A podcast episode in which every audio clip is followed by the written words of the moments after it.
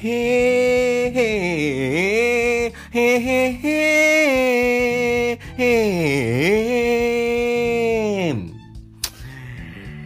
selamat datang di podcast Feeling Interview Keliling Talk di Idol ketujuh ya. Eh, nggak terasa ini udah hari keberapa PPKM? Masih tanggal berapa sih ini? Tanggal 10 ya, masih ada 10 hari lagi. Hmm, PPKM kita baru berjalan 4 hari. Semoga kuat, semoga fit, semoga mental tetap terjaga ya. Hari ini eh, seperti biasa kita bakal membicarakan idola idola kita, kita kita ya, terutama idola aku sendiri. Kali ini adalah seorang penyanyi dangdut pria. Udah bisa dilihat di cover kalau kita sekarang berbicara soal seseorang bernama Nasar Fahad Ahmad Sungkar atau yang biasa orang manggilnya itu King Nasar 88, King Nasar 88. Ya, kenapa King Nasar 88? Karena ternyata doi lahirnya 5 Januari 88 ya sama sama tanggal lahir bapak aku kayak cuma bapak aku lahir tahun 88 ya uh, buat yang udah merapat thank you sebelumnya nih uh, udah lama juga aku nggak update podcast ya. Terakhir interview Awe udah hampir tiga minggu yang lalu. Kemudian kemarin ada wacana pengen interview almarhum Stephen Kokonatris. Udah bikin janji udah apa. Waktu itu beliau masih sakit biasa. Uh, janjian nunggunya sembuh nunggu semoga cepet sembuh. Eh akhirnya uh, Allah pengennya lain. Akhirnya Bang Steven dijemput. Ya semoga husnul khotimah dan karya-karyanya tuh nggak akan hilang lah buat Bang Steven. Uh, kok buat Bang Steven? Buat kita semua kok buat Bang Steven. Mau maklum aku nggak terlalu mahir kalau ngucapin kabar duka cita gini ya. Intinya banyak kita kehilangan legend-legend nih di covid ini. Glenn Fredly Didi Kempot, Baron, uh, Steven, terus termasuk tuh beberapa hari yang lalu tuh Harmoko. Buat yang tahu ya itu Menteri Penerangan kabinet pembangunan berapa gitu. 4567 kayaknya. Masih dia tuh buat yang adik-adik yang lahir tahun 99 ke atas kalian nggak akan merasakan yang namanya departemen penerangan karena udah diberangus sama sama Gus Dur waktu itu ya jadi departemen penerangan tuh kayak kominfo-nya lah jadi media-media dulu dikontrol sama departemen penerangan biar siarannya tuh sesuai dengan kebutuhan masyarakat Indonesia ya aku nggak terlalu benci juga sama orde baru karena menurut aku ya setiap orde tuh lahir dengan kebutuhan dan zamannya masing-masing ya. Zaman itu kita mungkin cocoknya seperti itu, zaman sekarang cocoknya yang sekarang ya udahlah, politik kita tinggalkan, taruh samping. Kita akan kembali berbicara soal idola kita ini Nasar Fahad Ahmad Sungkar. Dia itu kalau teman-teman nggak tahu ya, dia tuh awalnya masuk TV itu pas aku SD tuh. Aku tahunya dia dari KDI tahu ya, KDI ya. Kontes Dangdut Indonesia yang dulu tayangnya di TPI, sekarang di MNC TV. Alumni KDI itu nggak banyak yang sukses ya banyak sih sebenarnya. Nggak banyak yang sampai sekarang karirnya maksudnya. Dulu tuh uh, kalau nggak salah Nasar tuh cuma juara tiga. Juara satunya namanya Siti Siti KDI nah tanya deh sama kakak-kakak kalian pasti tahu tuh. Siti KDI itu adik kalau nggak salah ya adik dari Cici Paramida. Cici Paramida kalau kalian nggak tahu cari aja lagu RT 5 RW 3 Nah itu tuh penyanyi zaman dulu tuh. Cakep orangnya Siti KDI nya cakep Cici Paramidanya cakep Kakak beradik cakep lah kan soalnya ada juga tuh kadang-kadang kakaknya bagus cak mukanya adiknya biasa. Atau adiknya cantik kakaknya biasa. Atau dua-duanya biasa gitu ya. Kan kadang kan suka, suka gitu ya. Nah e, kalau si Siti KDI sama Cici Paramida dua-duanya cantik. Nasar itu lahir di Bandung, Jawa Barat. Kelihatan lah kalau King adalah orang Sunda ya. Kita manggilnya untuk ke depannya King lah ya pernah menikah sekali dari tahun 2012 sampai 2015 sama seorang wanita bernama Musdalifah Wah. dan udah punya anak namanya Falhan Absar Wah. dan bapaknya beliau siapa tahu pengen tahu ya namanya Ahmad Hasan Sungkar Firdaus Tirs Aldillah oh orang Arab banget nih dari namanya ya dan Nasar juga kelihatan banget emang darah Arabnya ya dari muka dari gazalnya si teknik bernyanyinya tuh gazal gazal dan makom ya. Bukan makam ya. Kalau makam tuh band metal pekanbaru tuh yang udah lama banget tuh. Legend tuh bandnya. Kalau makom tuh teknik bernyanyi. Kalau gazal dari India makom dari Arab katanya gitu ya. Nah ee, Nasar itu nikah sama Musdalifah tuh tahun 2012 dan sampai tahun 2015 ya tinggalin aja kehidupan pribadinya kita berlanjut ke karirnya aja. Nasar tuh pertama kali booming tuh gara-gara di KDI itu kalau teman-teman lihat ya dia masih kurus banget. Sekarang tuh udah lumayan berisi ya, lumayan babal kalau kata orang Sumatera tuh. Mungkin King Nasar dengar juga ini podcast ini karena aku akan tag juga. Nah, uh, Nasar itu terkenal gara-gara uh, hitsnya tuh seperti mati lampu itu yang bikin kalau nggak salah Adibal ya kalau nggak salah kita cari dulu diskografinya doi seperti mati lampu dan gejolak asmara dia kayaknya nggak terlalu banyak punya hits tapi dua-duanya hits banget gitu. Dia nggak terlalu banyak ngerilis lagu tapi lagunya tuh terkenal semua. Nah ya lagu Nasar paling-paling ya 6 atau 7 tapi semuanya tuh terkenal. Kayak Gejolak Asmara tau ya yang ada Ayayaya.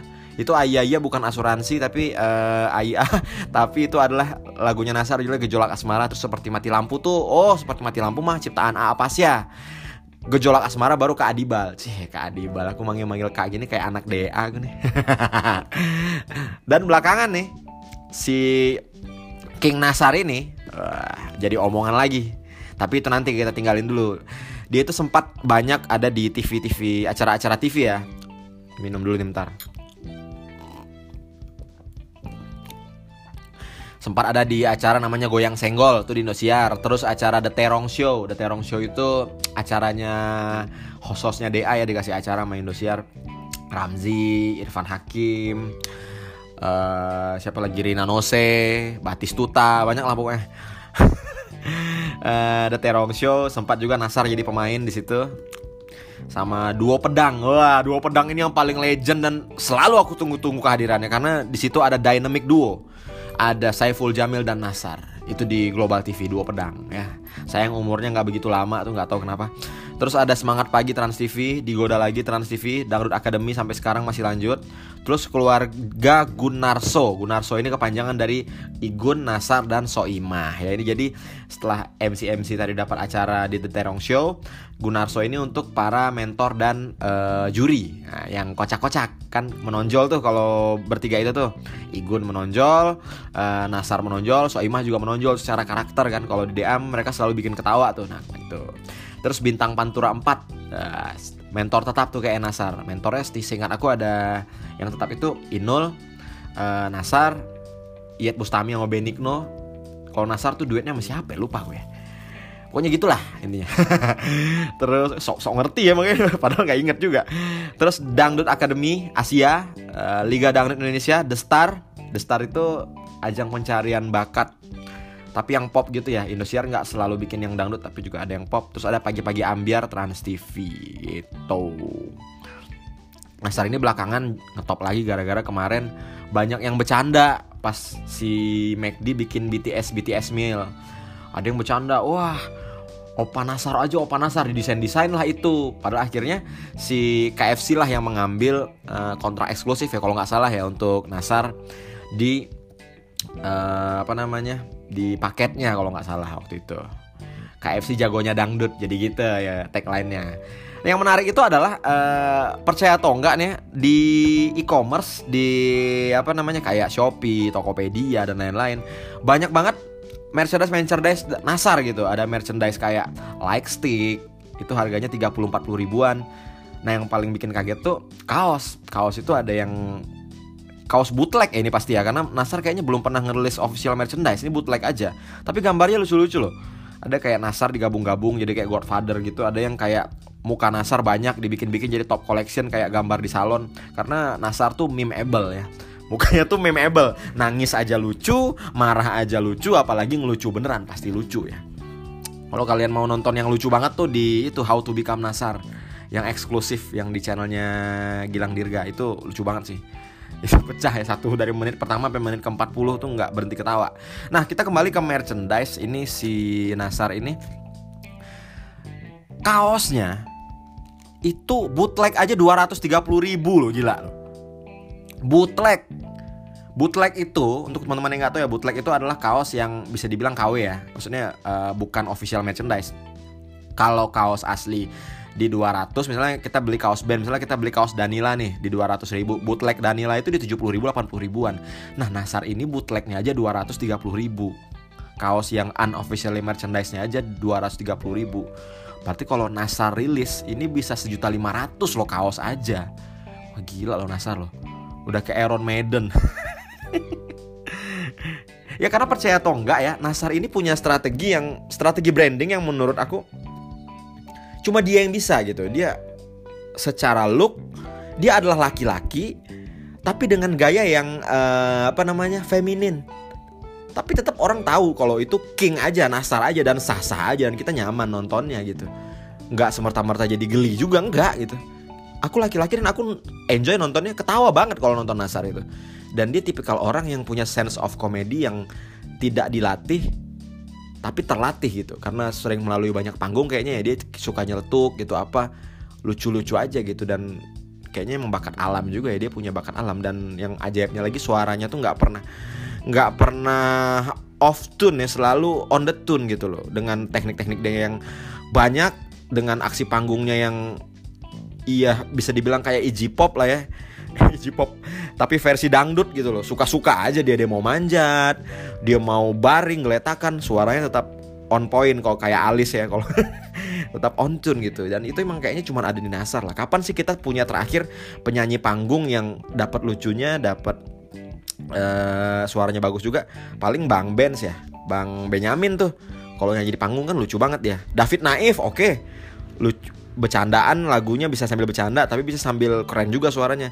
Nah Nasar ini nih kayaknya nggak banyak Indonesia punya penyanyi dengan kualitas premium seperti Nasar tapi kualitas komedinya juga nggak perlu diraguin dan yang paling penting kayak Nasar itu tipikal orang yang nyaman untuk uh, ditempatkan sebagai apa pun. Kadang-kadang ditempatkan sebagai keset kalau dalam lawakan dia yang ledekin dia bisa dia sebagai orang yang ngeledekin juga oke okay, gitu dan kelihatan bekerja sama banget ya kalau teman-teman nonton uh, beberapa cuplikan dia kayak di Tonight Show dia harus tektokan nama Enzi, Hesti, Vincent Desta ada di channelnya yang lain dia harus tektokan nama Gilang Dirga, Kristo sama Bimo atau di tektokan di di biasanya dia di DA dia ganti-ganti partner tuh nggak ada canggung nggak ada jaim dan emang profesional aja orangnya. Kayaknya itu password lah ya untuk sukses ya dan salut buat King Nasar lah. Nggak heran sekarang Nasar mungkin nggak nyangka uh, akan ada banyak cewek-cewek anak-anak uh, zaman sekarang yang biasanya dengerin uh, musik-musik yang agak-agak miring tuh agak-agak side stream mungkin jadi suka Nasar.